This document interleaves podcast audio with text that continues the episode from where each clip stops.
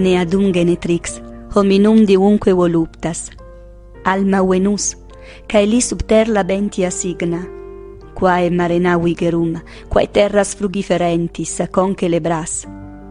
Per te quoniam, genus omni animantum concipitur, qui sitque exortum lumina solis.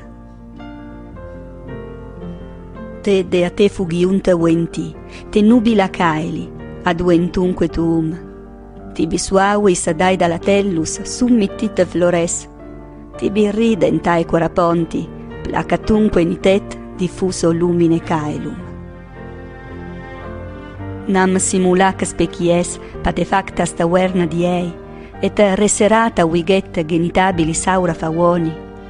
Aeriae primum volucreste diva, tunque significanti nitum, per e corda inde ferae pecudes, per sultant pabula laeta, et rapidos tranant amnis Ita capta lepore, te sequitur cupide, quoquanque inducere pergis. Denique per Mariac montis fluviosque rapacis, frondiferasque domos auium camposque virentis, omnibus incutiens blandum per pector amorem. Efficis ut cupide generati massaec la propagent.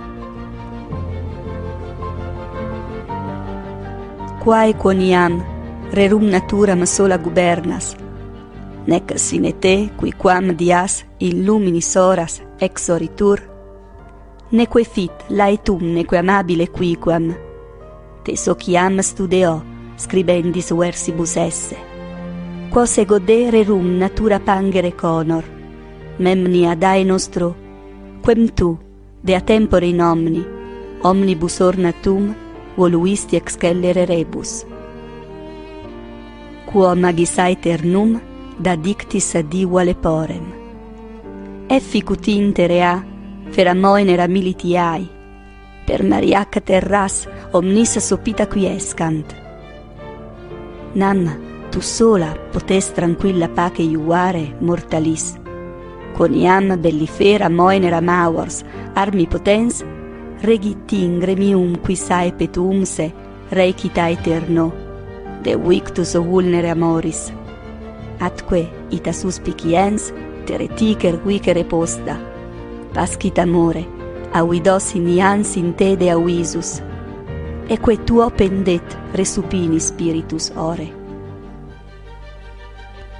Hunc tu diva tu ore cubantem corpore sancto, circum fusa super sua vis ex ore loquellas, funde, petens placidam romanis incluta, pacem.